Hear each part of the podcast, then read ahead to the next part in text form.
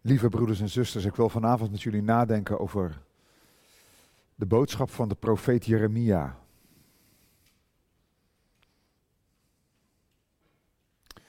En we gaan een aantal gedeeltes lezen. Je vindt ze onderin. Een paar versen uit hoofdstuk 1, 2 en hoofdstuk 3. En later lees ik ook nog wat uit verdere hoofdstukken. En het thema is beschuldigd en bemint. God die zijn volk beschuldigt, aanklaagt, tot de orde roept en die zijn volk tegelijkertijd bemint. Ik voel me geleid om daar vanavond met u over te spreken. En misschien is het goed voordat we het gedeelte lezen om te bedenken dat profeten toen en profeten nu akelige weldoeners zijn. Ze zijn akelig omdat ze geen blad voor de mond nemen. En ze zijn weldoeners omdat ze met diezelfde woorden het volk van God terugroepen naar haar roeping. Vaak onbegrepen, vaak onbemind. Maar wie het verstaat, wie de woorden van God door hun woorden heen hoort, wordt erdoor gezegend. Jeremia is zo'n man. Als ik u zou vragen wie is uw favoriete figuur uit de Bijbel, dan denk ik dat weinig van u zouden zeggen Jeremia. Er is één woord in de Nederlandse taal wat aan hem herinnert, dat is het woord jeremiëren. En dat betekent weeklagen en jammeren. Is dat terecht ten dele? Want hij heeft geweeklaagd en hij heeft gejammerd. Lees zijn 52 hoofdstukken plus de vijf, zes hoofdstukken uit klaagliederen. En je vindt er weeklacht, je vindt er jammerklacht, je vindt er beklaging. Maar wie zijn boodschap goed begrijpt, hoort ook de hartklop van God. Ik wil met u lezen Jeremia hoofdstuk 1. De woorden van Jeremia, de zoon van Hilkia, uit de priesters die in Anatot waren, in het land van Benjamin. Tot hem kwam het woord van de Heere in de dagen van Josia, de zoon van Amon, de koning van Juda, in het dertiende jaar van zijn regering. Ook kwam het tot hem in de dagen van Joachim, de zoon van Josia, de koning van Juda, totdat het elfde jaar van Zedekia, de zoon van Josia, de koning van Juda, voorbij was, en totdat Jeruzalem in de vijfde maand in ballingschap ging. Het woord van de Heere kwam tot mij. Voordat ik u in de moederschoot vormde, heb ik u gekend. Voordat u uit de baarmoeder naar buiten kwam, heb ik u geheiligd. Ik heb u aangesteld tot een profeet voor de volken. Toen zei ik, ach heren, heren, zie, ik kan niet spreken, want ik ben nog maar een jongen. Maar de Heer zei tegen mij: Zeg niet, ik ben nog maar een jongen. Want overal waarheen ik u zenden zal, zult u gaan. En alles wat ik u gebieden zal, zult u spreken. Wees niet bevreesd voor hen, want ik ben met u om u te redden, spreekt de Heer. Toen stak de Heer zijn hand uit en raakte mijn mond aan.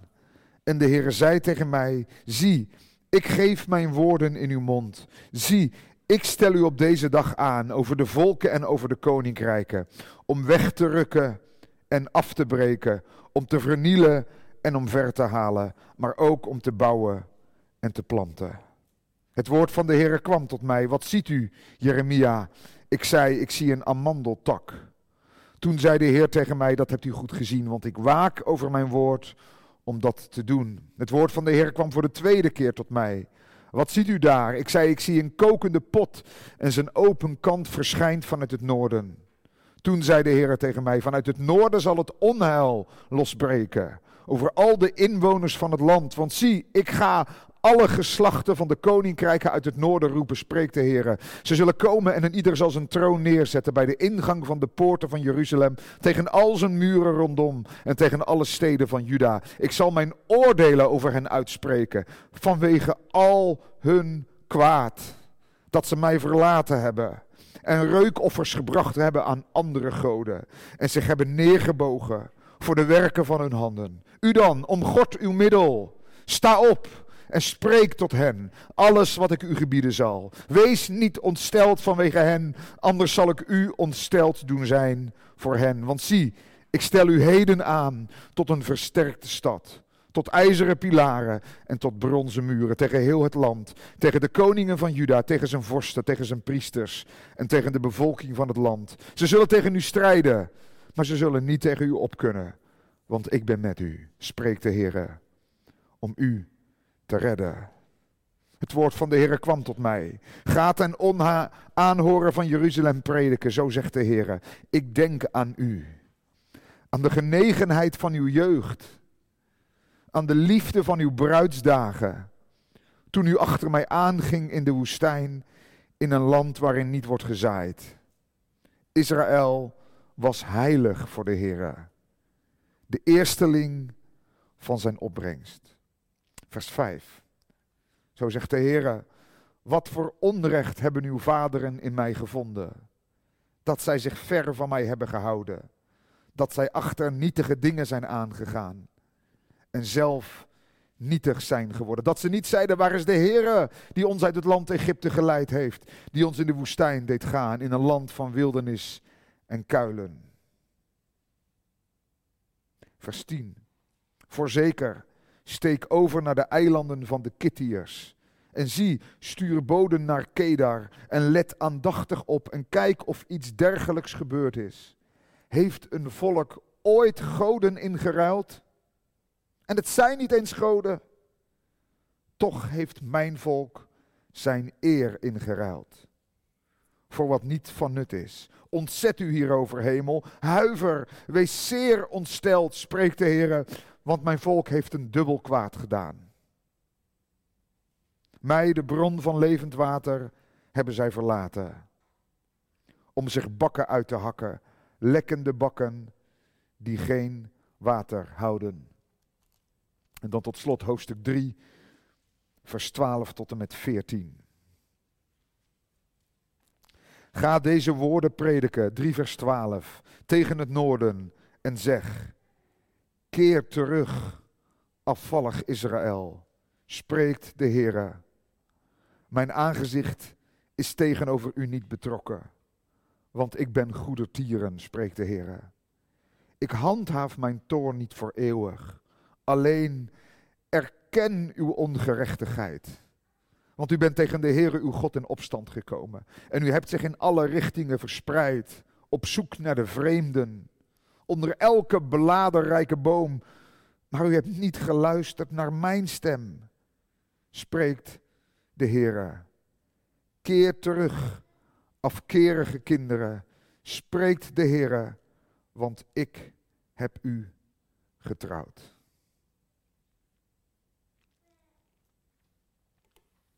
Tot zover.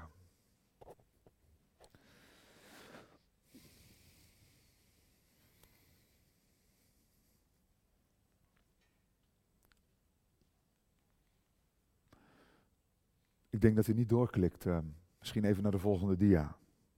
De persoon van Jeremia. Ik wil kort even Jeremia aan u voorstellen, dat we een klein beetje een beeld hebben van wie hij is. Ja, hij doet het. Dankjewel, Jan. Zijn naam betekent door de Heer aangesteld. Of mogen de Heer verhoogd worden. Jeremia, ongeveer 650 voor Christus geboren.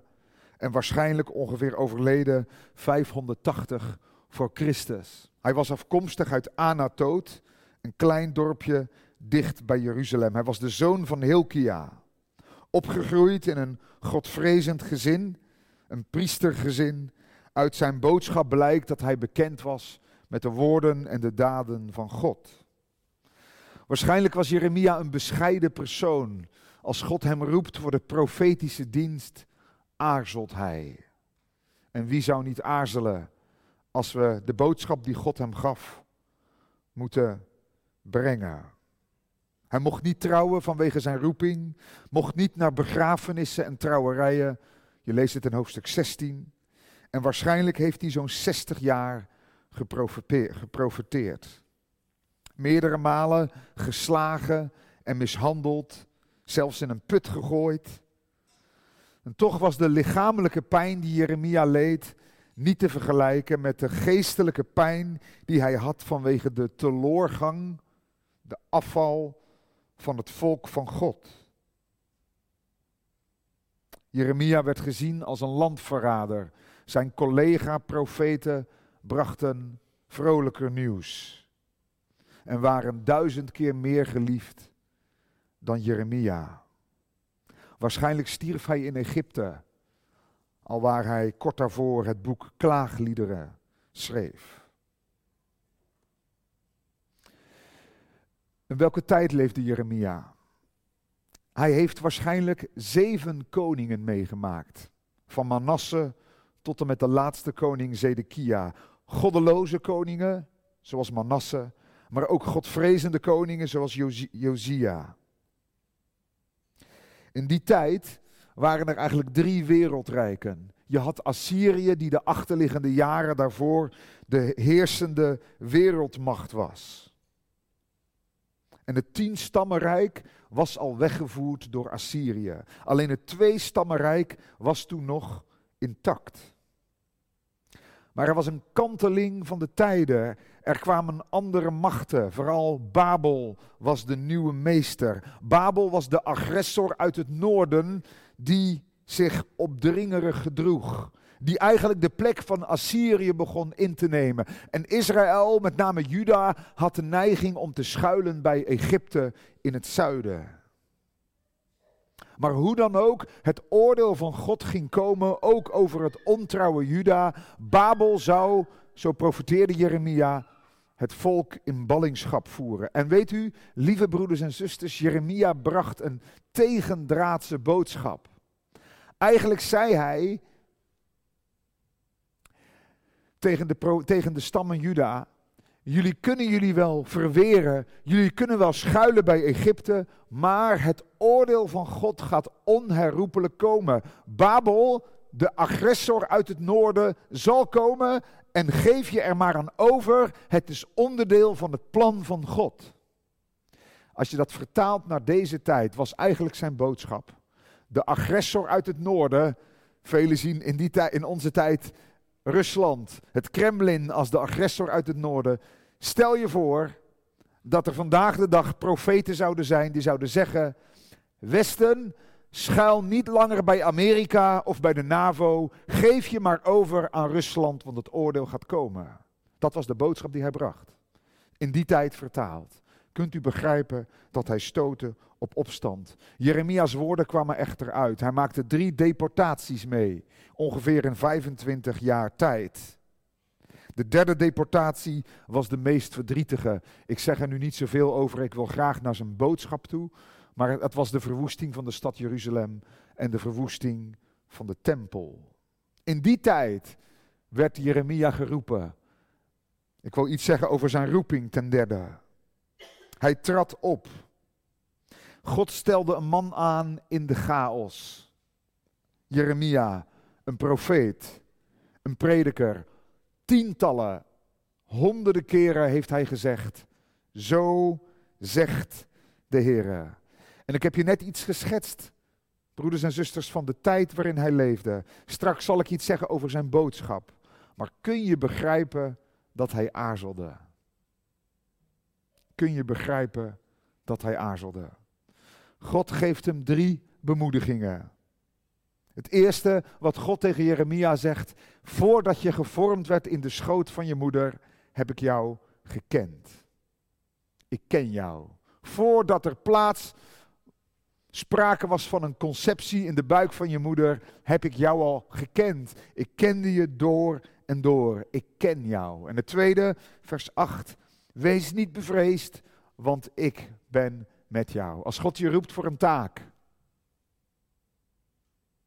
In zijn gemeente, in zijn koninkrijk. Wat voor taak het ook is. Als God je een verantwoordelijkheid in het huis van God toevertrouwt. Dan is het niet gek dat wij aarzelen. Want wie zal voor het aangezicht van de Heer staan? En wie zal zijn raad uitvoeren? Wie zal hem trouw dienen? En wie zal de profetische boodschap brengen? Ook vandaag de dag. Jeremia aarzelt. Maar God zegt, ik ken jou. En ten tweede, ik ben met jou. Maar Jeremia verweert zich en hij zegt, ik kan niet spreken. Maar dan steekt God, we hebben het gelezen in hoofdstuk 1, steekt God zijn hand uit, raakt zijn mond aan en zegt, zie, ik geef mijn woorden in jouw mond. Dat is precies genoeg.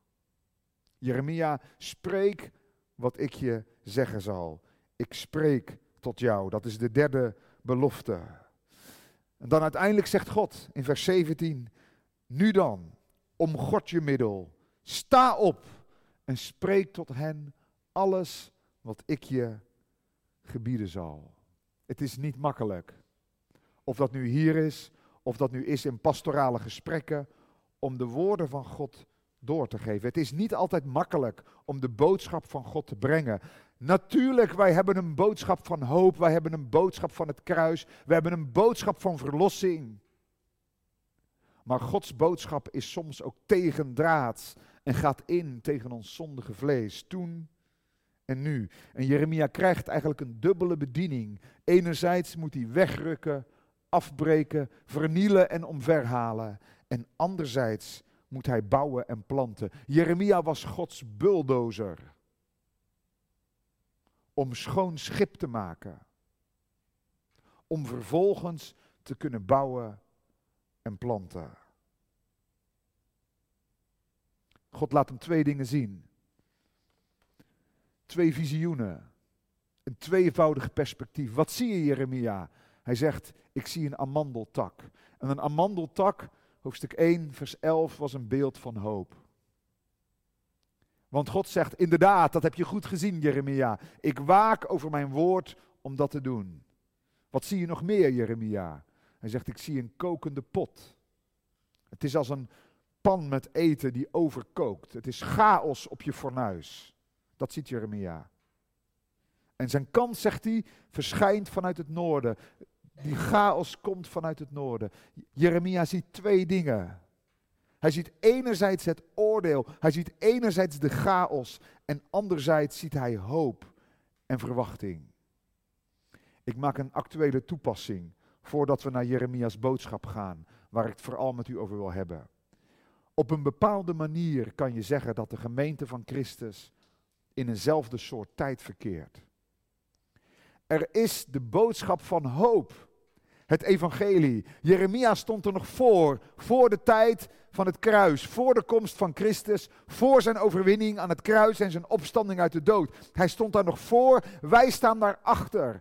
Wij weten heilshistorisch dat Jezus gekomen is, de zonde heeft gedragen, de Satan heeft overwonnen, opgestaan is uit de dood, plaatsgenomen heeft in de hemel, in de troon bij zijn vader en zijn geest heeft uitgestort. Wij weten dat, dat dat gebeurd is 2000 jaar geleden.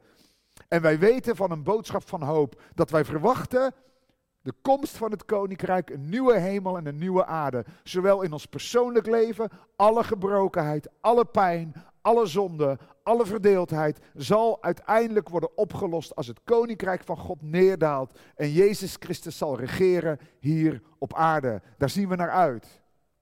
We verwachten de opstanding van de doden en we verwachten het eeuwige leven. We verwachten dat God zijn belofte zal waarmaken. Dat geeft ons hoop. En tegelijkertijd, we leven ook nu op dit moment in een donkere tijd. We zien afval. We zien veel schijn, ook in de kerk.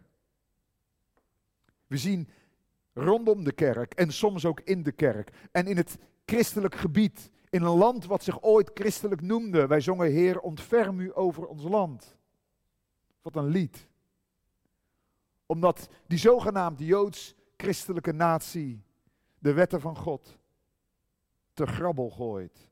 En Gods principes op allerlei vlak, ik maak dat nu even niet concreet, laat varen. En de kerk komt er niet ongeschonden vanaf. Ook de kerk van Jezus Christus is helaas niet altijd op de plek waar ze moet zijn. En ook vandaag de dag hebben we mensen nodig die de dubbele boodschap brengen. Bekeer u. Maak je gereed, de koning komt. Het koninkrijk is aanstaande. Jezus' komst is spoedig. We verwachten zijn komst. Er is hoop. Maar er is ook een boodschap van reiniging en van bekering. En daarmee kom ik bij de boodschap van Jeremia. En als u het goed vindt, wil ik die ook toepassen op ons in alle bescheidenheid. Heeft iemand na de Heer Jezus ooit zo'n last gevoeld als deze profeet? Ik heb me de achterliggende tijd in zijn boek verdiept. En het heeft me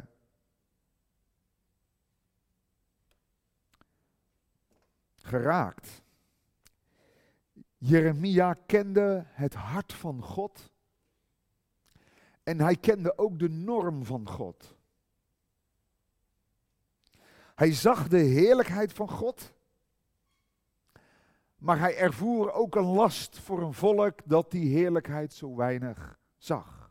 Hij kende het hart van Israëls bevrijder, Israëls minnaar, dat was God. De bruidegom die Israël tot bruid genomen had. Maar hij kende ook het volk van God. Misschien is daar in onze tijd ook wel gebrek aan.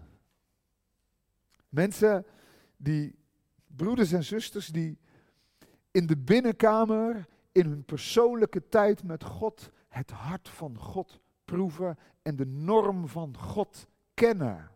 Dit is wat God vraagt en dit is wie Hij is. En anderzijds mensen die met beide benen in het leven staan, onder de mensen verkeren, iets kennen van de wereld en die zin weten wat er speelt, maar ook met beide benen in de gemeente staan. En op een bepaalde manier innerlijk verscheurd worden door het verschil wat we zien in de norm van God en de praktijk in Gods gemeente.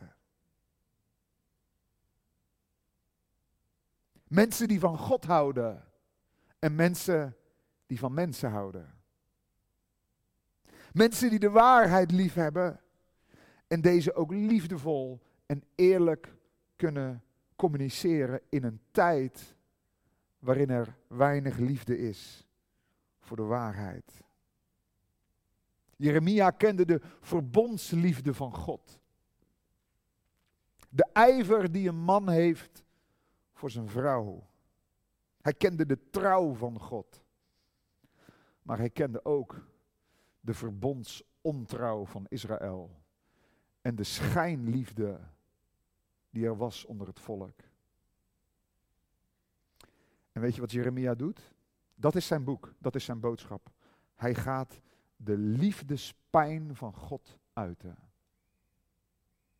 Hij gaat de getergde, gekwetste liefde van God uiten. De verontwaardigde liefde van God.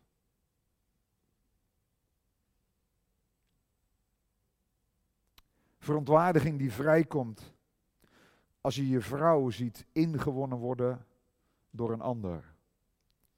Ik heb een beetje geaarzeld om dit te delen, maar wat ik nu ga zeggen, ga ik toch zeggen. We, we kennen elkaar. Uh, ik ben hier vaker geweest, dus ik neem vrijmoedigheid om het te zeggen.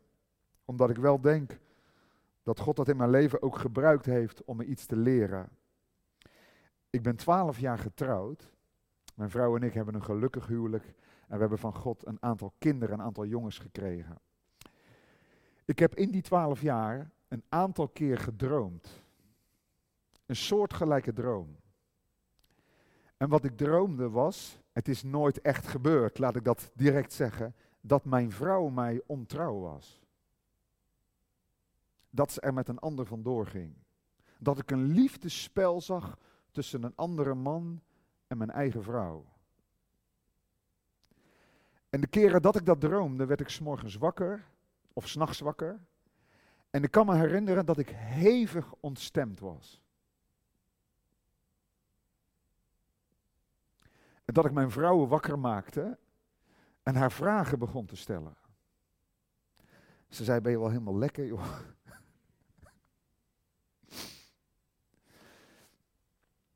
Mijn vrouw heeft me er duizend procent van kunnen overtuigen dat er van die droom niets waar was.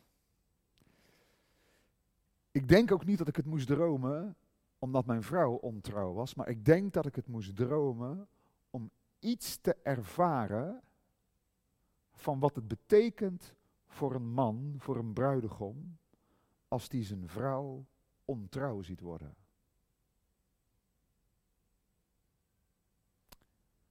Dat is wat God Jeremia laat zien. Mijn vrouw, Israël, is ontrouw. De tempeldienst was niet gestopt. De tempelliederen waren niet gestaakt en de offers werden nog steeds gebracht. Maar God, die als röntgenfoto's door ons heen kijkt, weet hoe wij zingen en hoe wij onze offers brengen. En God zag daar bij Israël iets van ontrouw. En weet u wat er gebeurde? Zijn liefde voor zijn volk, die hij had gekocht, die hij had bevrijd, die hij tot zijn bruid had genomen. Jullie zijn mijn volk en ik ben jullie God. En ik breng jullie in het beloofde land. God zag ze ontrouw worden. En daarom gaat hij ze beschuldigen, aanklagen. Terwijl hij ze bemint. Misschien moet ik het zo zeggen, omdat hij ze bemint, gaat hij ze aanklagen. En Jeremia is Gods spreekbuis. Ga er maar aan staan. Ik leg mijn woorden in je mond, zegt God tegen Jeremia. En grofweg kan je zeggen dat Jeremia vier dingen moest zeggen tegen het volk. En die vier dingen wil ik tegen jullie ook zeggen vanavond. En ook tegen mijzelf. Ten eerste, Jeremia heeft onverbloemd gesproken over de zonde van het volk. In Jeremia 17 zegt hij: Arglistig is het hart, boven alles. Ja, ongeneeslijk is het. Wie zal het kennen? Alles wat uit het hart opkomt, daar moeten we volgens de profeet vragen bij stellen. Jezus zegt in Marcus 7, uit het hart komen voort. En dan volgt een blacklist van zonde. Jeremia keek niet allereerst naar de buitenkant. Hij ging naar de bron, het zondige hart. Weet u, broeders en zusters, elke zonde, elke zonde, ook in de gemeente van God, komt voort uit het hart. Het is niet een daad die we ergens in de buitenlucht opvangen en uitvoeren. Het komt voort uit ons zondige hart. Iedere vorm van jaloezie, iedere vorm van ontrouw, iedere vorm van huichelarij, iedere familieruzie, ieder conflict, elk boos gesproken woord, het komt voort uit ons zondige hart. Wij leven in een tijd, wij allemaal, dat we leren om positief over onszelf te denken. Ik spreek vanavond niet met u dat een gezond vertrouwen, dat dat ongezond is. Maar wij leven in een tijd dat we leren om positief over onszelf te denken. Ook al doen we ontzettend veel zonde. Er was een onderzoek. Mensen schatten hun kansen om de hemel te halen hoog in. Er ging iemand rond, die stelde vragen en zei: Denkt u dat u de hemel zal binnenkomen? Denkt u, dat was de tweede vraag, dat u meer kans hebt dan moeder Teresa om de hemel binnen te komen? Het was gewoon een seculier onderzoek. Het ging over hemel, toekomst, of we dat geloofden. En de uitkomst was dat de gemiddelde mens, de gemiddelde Nederlander, zijn kansen op de hemel hoog inschat. Er zijn er die het slechter doen als ik. Er zijn er die immoreler zijn dan ik. Waarschijnlijk is God wel met mij oké. Dat was in de tijd van Jeremia ook zo. Het volk bracht offers. Ze dienden uiterlijk God. En zij dachten, God vindt het oké. En Jeremia, hij kaart de zonde eerlijk aan. Ik heb hier wat dingen genoemd die in zijn boek terugkomen. U begrijpt, we kunnen niet al die teksten lezen. Ik heb ze bewust een beetje uit de eerste hoofdstukken gehaald. U zou het zelf eens na kunnen lezen.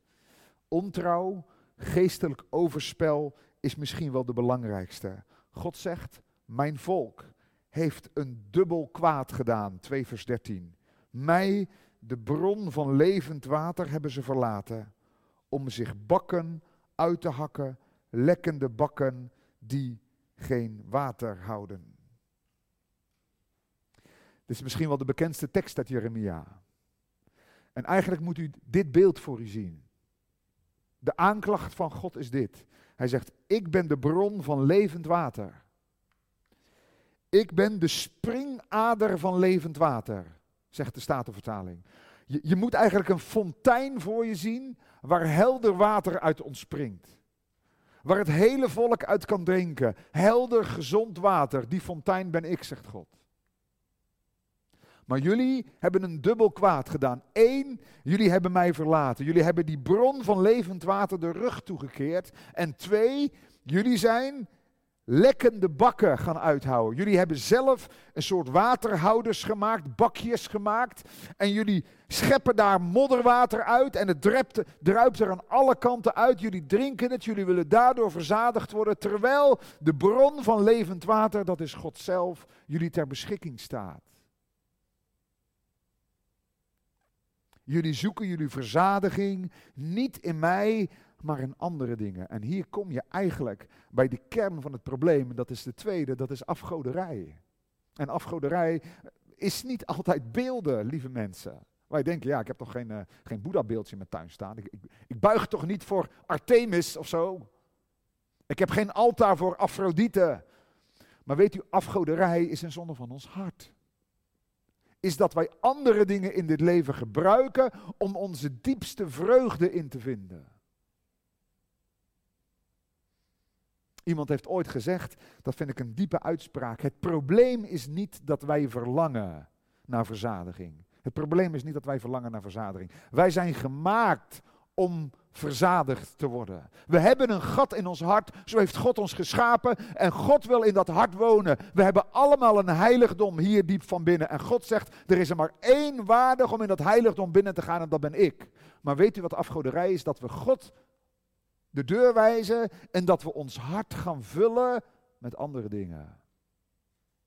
Het probleem is niet dat wij verlangen, het probleem is dat onze verlangens te oppervlakkig zijn. En dat we denken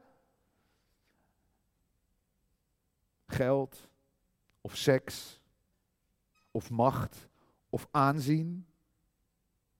Dat schenkt mij vreugde in deze wereld. Terwijl God zegt, alleen ik kan jullie vreugde zijn. Afgoderij. Jeremia moet zeggen, heeft een volk ooit goden ingeruild? Hebben jullie wel eens bij de Assyriërs gekeken? Hebben ze daar hun klassieke goden ooit verkocht en andere goden aangeschaft? Nee, nooit. Heeft Egypte ooit haar Egyptische goden ingeruild? Nee, nooit. Dat doe je niet. Je zet je goden niet op marktplaats. Maar mijn volk, zegt God, mijn volk heeft haar eer ingeruild. Opstandigheid. Er waren meerdere profeten actief geweest. Vaker had God tot het volk gesproken. Er waren meerdere profetieën geweest. Keer terug. Maar er was een geest van rebellie, van opstand. U bent, Jeremia 3, vers 13, tegen de Here in opstand gekomen. Er was afwijzing van Gods woord. Zie, 6 vers 10. Onbesneden is hun oor, zodat ze niet in staat zijn om er acht op te slaan. Zie, het woord van de Heere is hun tot smaad. Ze vinden er geen vreugde in.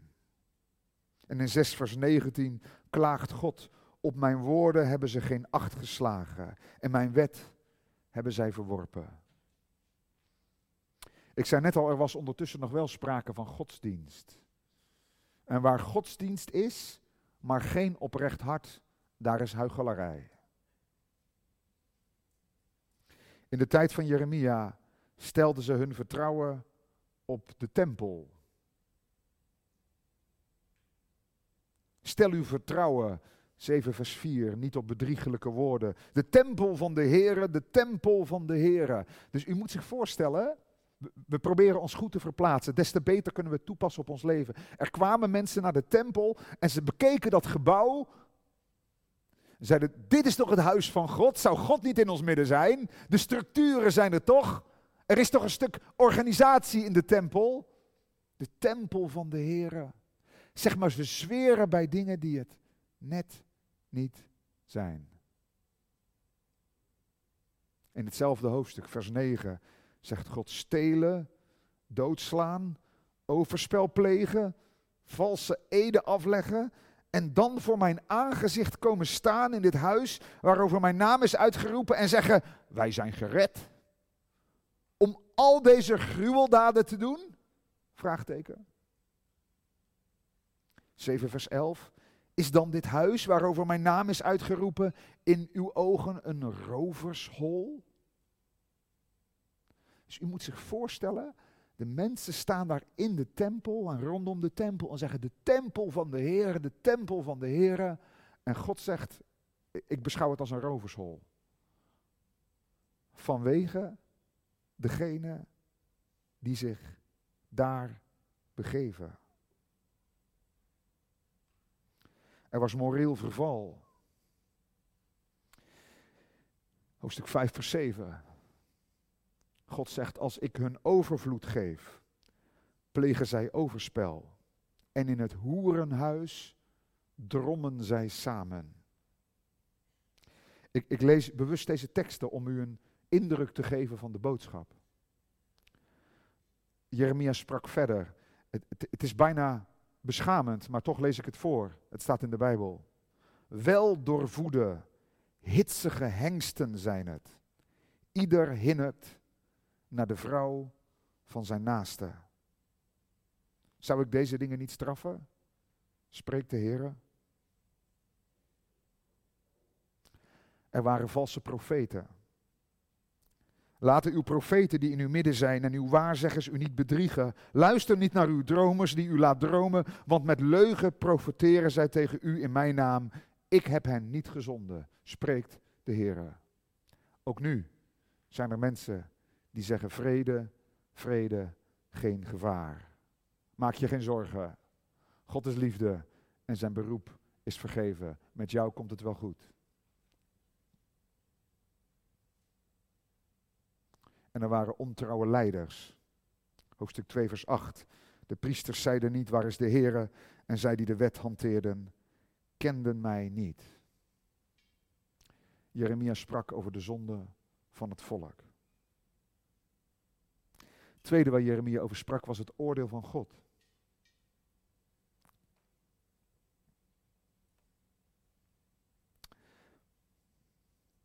Misschien denk je terwijl je zit te luisteren, kan dit niet wat vrolijker? Ik ben gekomen om bemoedigd te worden. Ik heb een boodschap van hoop nodig.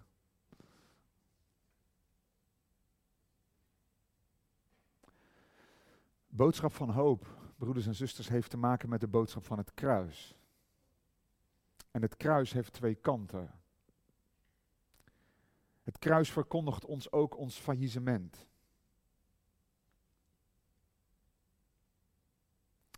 En Jeremia sprak over oordeel.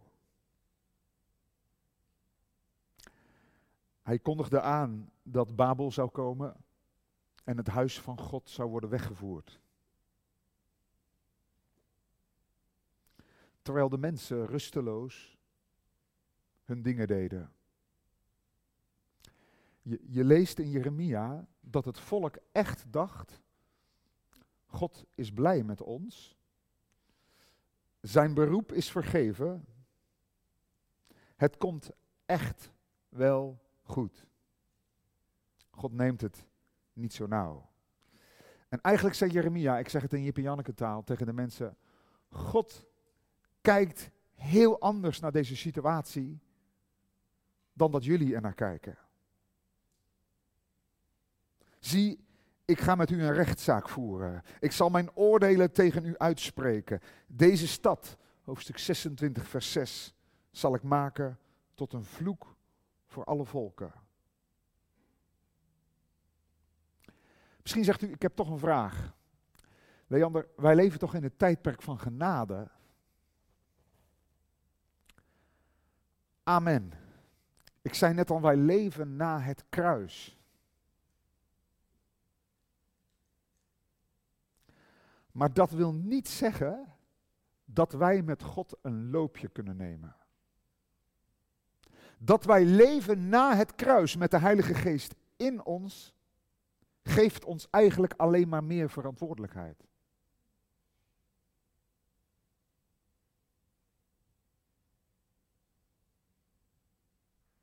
Israël zette haar roeping op het spel.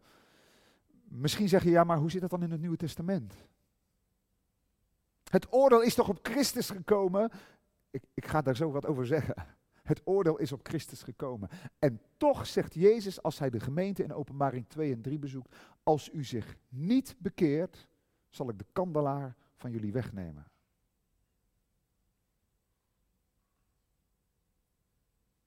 En dat is het derde. De oproep tot bekering. En ik hoop dat u, dat u dit stukje goed hoort. Want, want we komen zo uit bij het evangelie. Maar dit moeten we goed begrijpen. God is de minnaar. God is die getergde man die zijn vrouw ontrouw ziet worden. En hij roept eigenlijk hartstochtelijk zijn bruid terug. Eigenlijk in de taal van Hooglied staat hij met natte haarlokken voor de deur en zegt: Doe mij open, doe mij open. Kom terug naar mij. Hoofdstuk 3, vers 13. Keer terug, afvallig Israël, spreekt de Heer. Mijn aangezicht is tegenover u niet betrokken, want ik ben goede tieren. Spreekt de Heer, ik handhaaf mijn toorn niet voor eeuwig. Alleen erken uw ongerechtigheid. Hoofdstuk 4, vers 1. Als u zich bekeert, Israël, bekeer u dan tot mij. En hoofdstuk 4, 22. Keer terug, afkerige kinderen. Ik zal u van uw afdwalingen genezen. Zie, Heer, hier zijn wij bij komen tot u, want u bent de Heer onze God. Dat zou de juiste reactie zijn.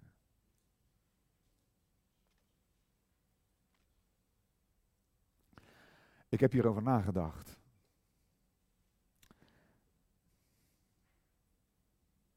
Het is eigenlijk toch ongehoord dat de eeuwige God de deur van ons hart en op de deur van de gemeente klopt. En toen bij Israël. En zegt tegen kinderen die weglopen: keer terug. Dat wij niet bij God op de deur kloppen en zeggen: Heere God, zou het alstublieft nog mogen?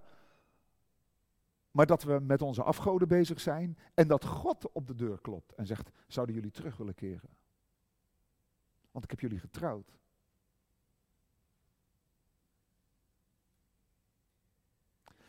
En weet u, die liefdestem van God,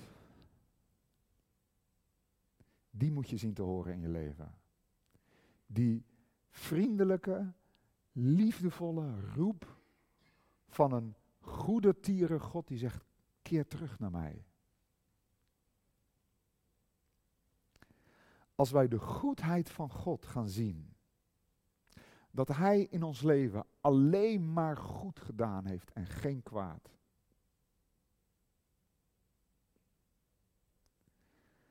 En Gods geest schiet een pijl af in ons hart. Weet je wat er dan komt? Een geest van berouw.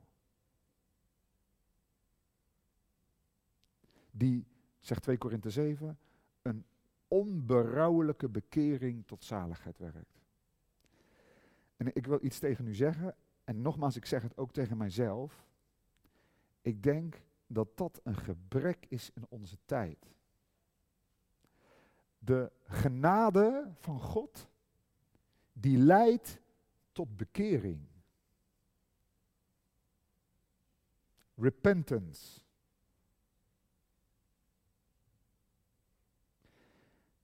Als je vader of moeder bent van kinderen, of onderwijzer in een klas, en je moet een corrigerend gesprek voeren met een van je kinderen. Ik kan me dat herinneren, ik heb eh, voor de klas gestaan, ik ben ook vader, ehm, maar ik denk even aan de tijd dat ik in de klas zat en iemand was zeg maar tijdens de les ehm, ongehoorzaam of, of nou, gewoon niet goed bezig. En je, je zei zo'n kind, ik wil dat je achteraf even blijft. En het was pauze en een zo'n kind ging dan voor mijn bureau zitten en ik zat daar als leraar. En ik zei, joh, ik wil even met je praten, want wat ik net zag, dat is, dat is niet goed. En je ziet eigenlijk dat dat kind, dan kan je zeg maar grofweg twee reacties hebben. De eerste reactie is dat het kind zijn hoofd op zijn schouder legt en zegt, uh, hij laat je nog net beleefd uitpraten en zegt, meneer mag ik nu gaan? Gewoon, alsjeblieft, pauze is begonnen, mag ik gaan alsjeblieft? Is het goed zo? Oké, hebt u uw verhaaltje gedaan? Oké. Maar ik probeer dan nog een keer, maar uh, begrijp je wat ik bedoel? Ja, ik begrijp het wel. Ik zal het niet meer doen meneer, prima, mag ik nu gaan?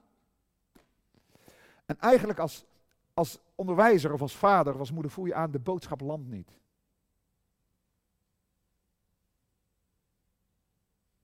Zo kunnen wij ook naar Gods boodschap luisteren. Dat God een aanklacht tegen ons heeft. En dat we zeggen, ja Heer God, we weten het wel. U zal vast gelijk hebben, maar kunnen we gaan? Kunnen we gewoon verder gaan in, in, in het ritme van het leven? The show must go on. Zo kunnen we ook in de kerk zijn. Zo kan je ook naar zo'n boodschap luisteren. Ik vind het niet makkelijk om, om aan u te vertellen. Ook niet makkelijk om aan mezelf te vertellen. Maar ik heb vaak genoeg onder dit soort pleidooien van God gezeten. Dat God met me sprak en dat ik eigenlijk een onverschillige geest had. Heere God, kan ik gaan nu? Of, dat is de andere reactie. Dat je met je kind praat of met je leerling in de klas. En dat je het uitlegt. En dat je dan zegt, ik ben er niet om jou te pesten, maar ik ben er om jou te helpen. En wat je net deed, dat kan echt niet. En dat je bij het kind proeft de boodschap land.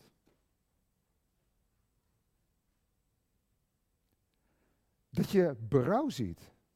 Zegt ja, papa, ik, ik, ik heb er echt spijt van. Dat je bij het kind iets van verslagenheid ziet. En eigenlijk hoef je dan als opvoeder of als leraar of als vader niet eens meer te zeggen, en dan is dit de goede weg. Weet je waarom? Het hart is geraakt. En geestelijk gezien, als God bekering geeft in je leven, en daar moet je niet op wachten, want de oproep is dat wij ons moeten bekeren, weet je wat er dan gebeurt? Is niet allereerst gedragsverandering. Van oké, heer, we gaan het anders doen. Dat is het niet allereerst. Weet je wat bekering is? Is dat wij Vroeger zeiden ze dat een hartelijk leedwezen hebben over de zonde. Dat we echt zeggen, we hebben God ernstig tekort gedaan. God die alleen maar goed voor ons geweest is. God wiens genade zeer royaal is. En ik heb hem aan de deur laten kloppen. En ik, ik, was net als die bruid in het hooglied. Ik lag lekker te slapen en ik liet hem maar staan. Heere God, en je gaat achter hem aan en je doet de deur open en de bruidegom is weg. En je gaat met die bruid de straat op en zegt, hebben jullie mijn liefste gezien? Want ik heb hem tekort gedaan. Dat is bekering. Als er bekering is in de gemeente, dan hoeven de leiders niet zoveel instructies meer te geven. Dan is er een besnijdenis van het hart. Waarom ga je je veranderen? Waarom ga je je gedrag aanpassen? We hebben een ontmoeting met God gehad. Wat hebben we dan nodig? Ik verlang daarnaar. Ik verlang een jonge generatie te zien die niet leeft voor een rally-kick. Die naar het huis van God komt om een kick te ervaren, maar er onveranderd uitgaat. Maar mensen die echt een ontmoeting hebben met de goede God. Dat, dat God, zeg maar even zo, hè, dat God het gewoon niet meer verkeerd kan doen in je leven. Dat de liefde Gods in je hart wordt uitgestort. Keer terug, afkerige kinderen, want ik heb jullie getrouwd.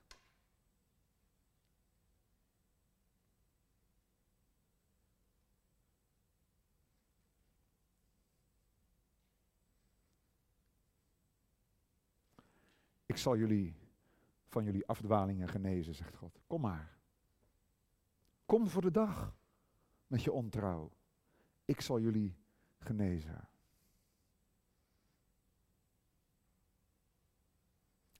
Mag ik je een vraag stellen? Jij mag hem ook aan mij stellen. Weet jij in je leven wat bekering is?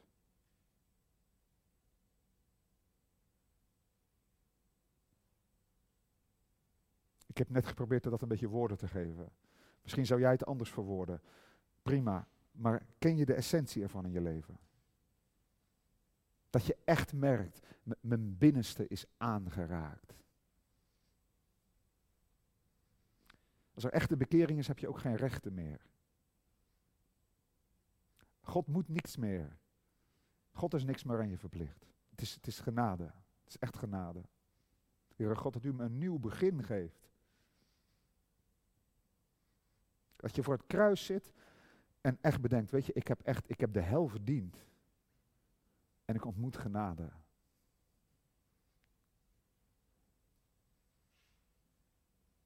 Als het evangelie een vanzelfsheid wordt in ons leven en vanzelfsprekend. Natuurlijk is God genadig. Het kruis zit in onze broekzak. God is voor ons. En wij doen ons ding.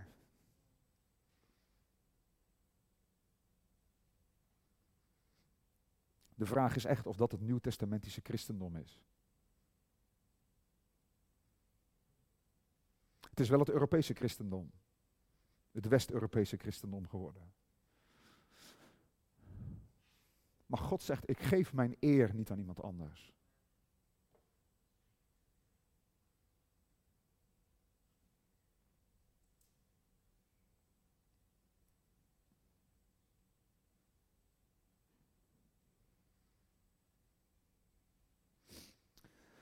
Tot slot,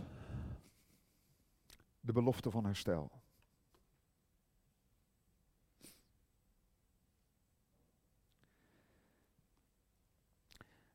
Er zit iets in het boek Jeremia. Ik vraag nog even uw aandacht. Er zit iets in het boek Jeremia wat onmogelijk is. Het kan niet. Het is 29 hoofdstukken doffe ellende. Zonde, zonde, zonde. Ik heb het vanavond nog kort gehouden hoor. Als Jeremia hier zou spreken, zou hij het langer maken. Tot in detail schildert hij de zonde van het volk. En hij wordt niet moe het te herhalen.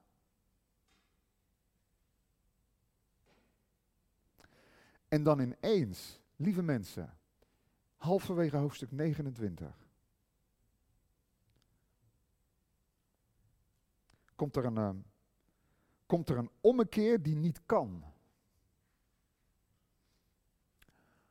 Want, zo zegt de Heer, voorzeker, pas wanneer 70 jaren in Babel voorbij zijn, dat is het oordeel, het tijdelijk oordeel van 70 jaar, wat zal komen, de wegvoering, dan zal ik naar u omzien en over u mijn goede woord gestand doen door u terug te brengen naar deze plaats. Ik immers, ik ken de gedachten die ik over u koester, spreekt de Heer. Het zijn gedachten van vrede en niet van kwaad, namelijk om u toekomst en hoop te geven. Dan zult u mij aanroepen. U zult tot mij bidden en ik zal naar u luisteren. En in hoofdstuk 32 zegt God tegen Jeremia, de stad is belegerd, Nebukadnezar staat op de poort. We weten weer een beetje wat belegering van een stad is. Hè? We, zien dat op, op het nieuws in Oekraïne, horen we daarvan. Nou, toen was Jeruzalem belegerd door Babylon, Nebukadnezar stond voor de poorten en er was binnen de muren, serieus, er was geen kruimel brood meer. Als je de geschiedenissen leest uit twee koningen en twee kronieken, moeders verkochten hun kinderen of kookten het vlees van hun eigen kinderen drama. Dat is echt vreselijk als je dat leest. Wat er gebeurt. En weet u, dan zegt God tegen Jeremia: verzamel je laatste beetje geld. Loop naar die akker en koop die akker. En Jeremia heeft mogelijk gevraagd: waarom zou ik die akker moeten kopen? En God zegt: er zullen weer huizen en akkers en wijngaarden gekocht worden in dit land. Ze zullen mij onderaan tot een volk zijn en ik zal hun tot een God zijn. Ik zal een eeuwig verbond met hen sluiten en ik zal mij over hen verblijden en hun goed doen. Als God bestraffing brengt, ook onder het nieuwe verbond, ook in de gemeente van God. Als God ernstig met ons praat, als God ons kastijdt, dan is dat geen eindbestemming, maar een weg naar herstel.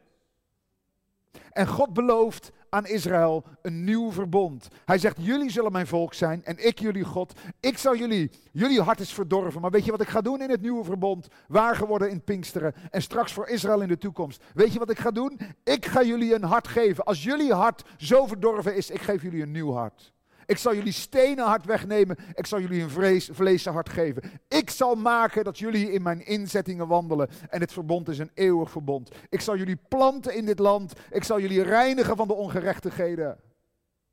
Ik zal jullie zonde vergeven. En ik zal jullie een vreugdevolle naam geven. Jullie zullen een vreugde voor mij zijn. En ik zal mijn spruit, mijn rechtvaardige koning, de grote Davids zoon naar jullie toesturen. De Heer Jezus Christus en Israël zal onbezorgd wonen. Ik heb jullie beschuldigd, maar ik beschuldig jullie omdat ik jullie bemin. Omdat ik van jullie houd. En dan volgt voor mij het mooiste vers uit Jeremia. Ik wil u dat prijsgeven.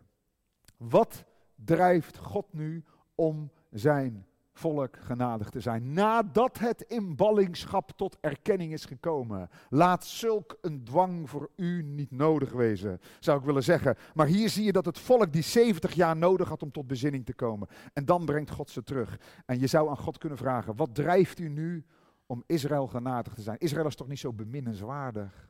Die ontrouwe bruid, waarom zou je die lief hebben? En weet u, dan verraadt God het geheim. En ik vind dat zo diepzinnig. En misschien als we dit zien, brengt dat misschien wel echte bekering in ons leven. Uh, dat is Jeremia 31, vers 20. Waar God zegt, is Ephraim, en tussen twee haakjes, Ephraim is de slechtste naam van Israël. Ephraim, als Ephraim wordt gebruikt, dan gaat het altijd over het zondige tienstammenrijk. Het was de slechtste naam van Israël. God zegt, is Ephraim. Niet voor mij een dierbare zoon. Is hij voor mij niet een lievelingskind? In de SV staat, is hij voor mij niet een troetelkind? Want zo dikwijls als ik tot hem spreek, en hier zit eigenlijk in als ik hem vermaan, als ik hem tot de orde roep, denk ik nog voortdurend aan hem.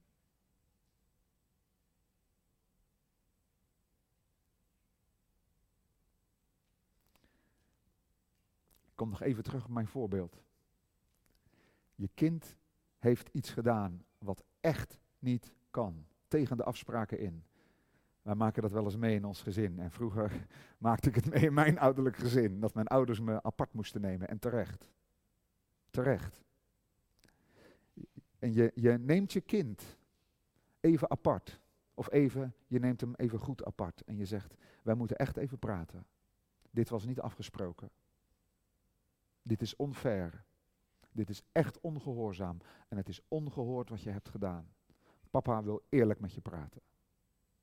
En je bent verontwaardigd. Ik laat even in het midden of het heilig of onheilig verontwaardigd is. Maar je bent verontwaardigd. Je bent gekwetst als vader. Want het ging tegen de afspraken in. En je ziet je kind daar op de bank zitten. En innerlijk ben je boos. Je bent heilig verbolgen over wat het kind gedaan heeft. En je ziet hem daar zitten. En je spreekt tot hem. Je spreekt hem aan. En terwijl je hem aanspreekt, kijk je het kind in de ogen en je ziet hem daar beteuterd zitten. En je ontferming wordt opgewekt. Je kan hem achter het behang plakken, maar liever sluit je hem in je armen. En zeg je, kom terug. Dat is eigenlijk wat er bij God gebeurt. Hij ziet dat onuitstaanbare Israël, dat flirt met de afgoden. En God spreekt tot hem. En terwijl God ernstig met hem spreekt, zegt God ook, kom naar mij toe. Terwijl ik tegen jullie spreek, denk ik voortdurend aan jullie. En dan komt de mooiste zin. Daarom is mijn binnenste bewogen over hem. Hier staat, daarom zijn mijn, het is wegvertaald helaas, maar er staat letterlijk daarom rommelen mijn ingewanden over hem. ik zal mij zeker over hem ontfermen. Dit geldt van Israël, maar onder het nieuwe verbond dat Jezus heeft ingesteld met zijn eigen bloed, ook voor de gemeente van Christus, vandaag de dag. Overspelige mannen en vrouwen. God bemint u. God bemint mensen die verdrinken in het riool van hun leven. En God geeft hen een koosnaam. En God zegt, ik ben innerlijk bewogen, ik ben rusteloos, ik ben opgewonden over jullie. Ik wil mij over jullie ontfermen. God hunkert naar zijn volk. God hunkert naar u. Niet naar de persoon die jij graag wil zijn, maar zoals je werkelijk bent. Als je bereid bent te erkennen wie je geweest bent. En als je bereid bent tot bekering te komen. Onze natuurlijke gedachten over God zijn hooguit een slap aftreksel van zijn ware gedaante.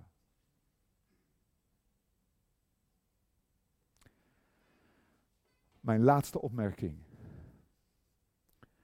Het kan zijn dat je denkt, ik heb vanavond goed meegeluisterd. Ik heb geprobeerd om de boodschap te begrijpen. Maar toch klopt het niet. Ik hoor in deze preek, in het boek Jeremia, hoor ik de boodschap van oordeel. Dat God de zonde haat en de zonde zal straffen. En dat de zondaar voor zijn aangezicht niet kan bestaan, ook nu niet. En aan de andere kant hoor ik je zeggen dat God van zondaren houdt. En dat hij ze bemint. Dat zijn binnenste over hem bewogen is. Wat is het nu? Eén van beide. En weet u, hier moeten wij een antwoord op geven in de gemeente. Hoe zit dat? Want als we het ene spoor handhaven en we handhaven het, toch? Dat God de zonde haat en de zondaar zal in zijn aangezicht niet bestaan. Er wandelt geen zondaar de hemel binnen. Echt niet. Dat laten we staan, toch? Laten we staan dat God heilig is. En dat God de zonde moet straffen. En aan de andere kant laten we staan dat God genadig is. Hoe kan dat nu? Dat God tegelijkertijd die zondaren in zijn aanwezigheid roept. Hoe kan dat nu? Die twee lijnen die komen niet bij elkaar, zegt u, en u hebt gelijk. En toch hebt u ook niet gelijk. Want weet u, weet je waar deze lijnen bij elkaar zijn gekomen? Op het kruis. Op het kruis verkondigt God de wereld dat hij de zonde haat en dat hij heilig is. En op het kruis verkondigt hij dat hij de wereld lief heeft. En daarom gaf hij zijn zoon. Dus, ik doe u een uitnodiging. Als u vanavond tot het kruis wil komen, dan zijn twee dingen belangrijk. Eén is dat wij eerlijk zijn over onze zonden, die erkennen en die voor God beleiden en ons daarvan bekeren. Voor een God die ons lief heeft. Dat we tot bekering en berouw komen over onze zonden. En ten tweede, dat we zijn aanbod om in zijn armen gesloten te worden. Vanwege het offer van zijn zoon, de Heer Jezus Christus. Met dankbaarheid, met ootmoed en met diepe verwondering aanvaarden en zeggen, Heere God, hier zijn wij. Om met die tekst te zeggen, zie, hier zijn wij. Wij komen tot u. Want u bent de Heere, onze God. Ik wil je vragen om stil te worden en eerlijk te worden voor Gods aangezicht. Samen. En dat we in zijn tegenwoordigheid komen. En daarna zal ik afsluiten met gebed.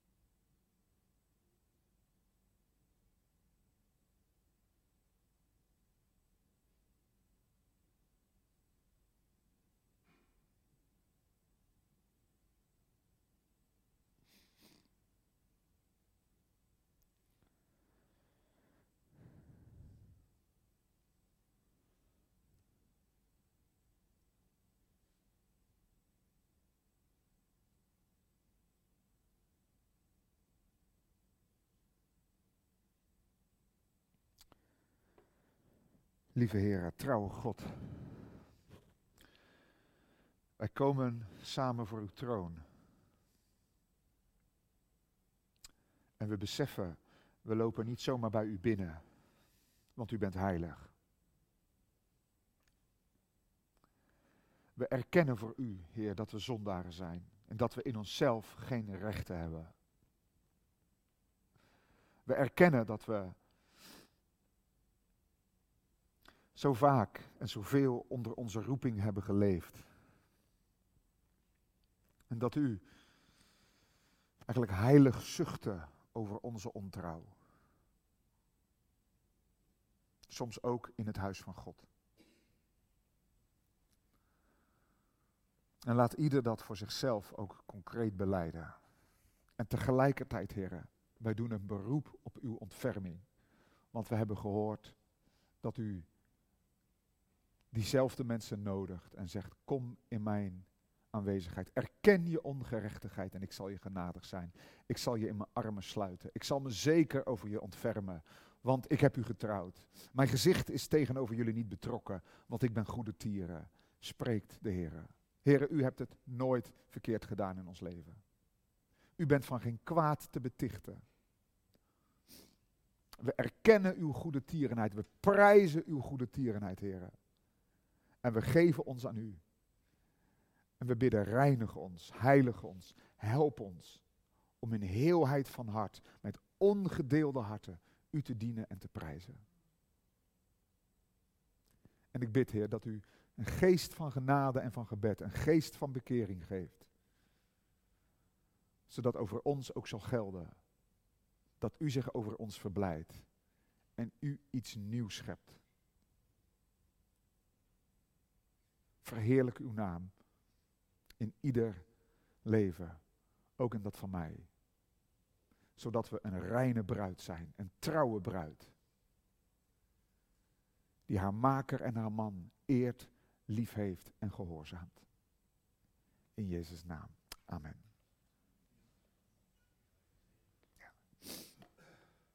Ik spreek gelijk de zegen uit. Als u gaat staan, mag u die ontvangen.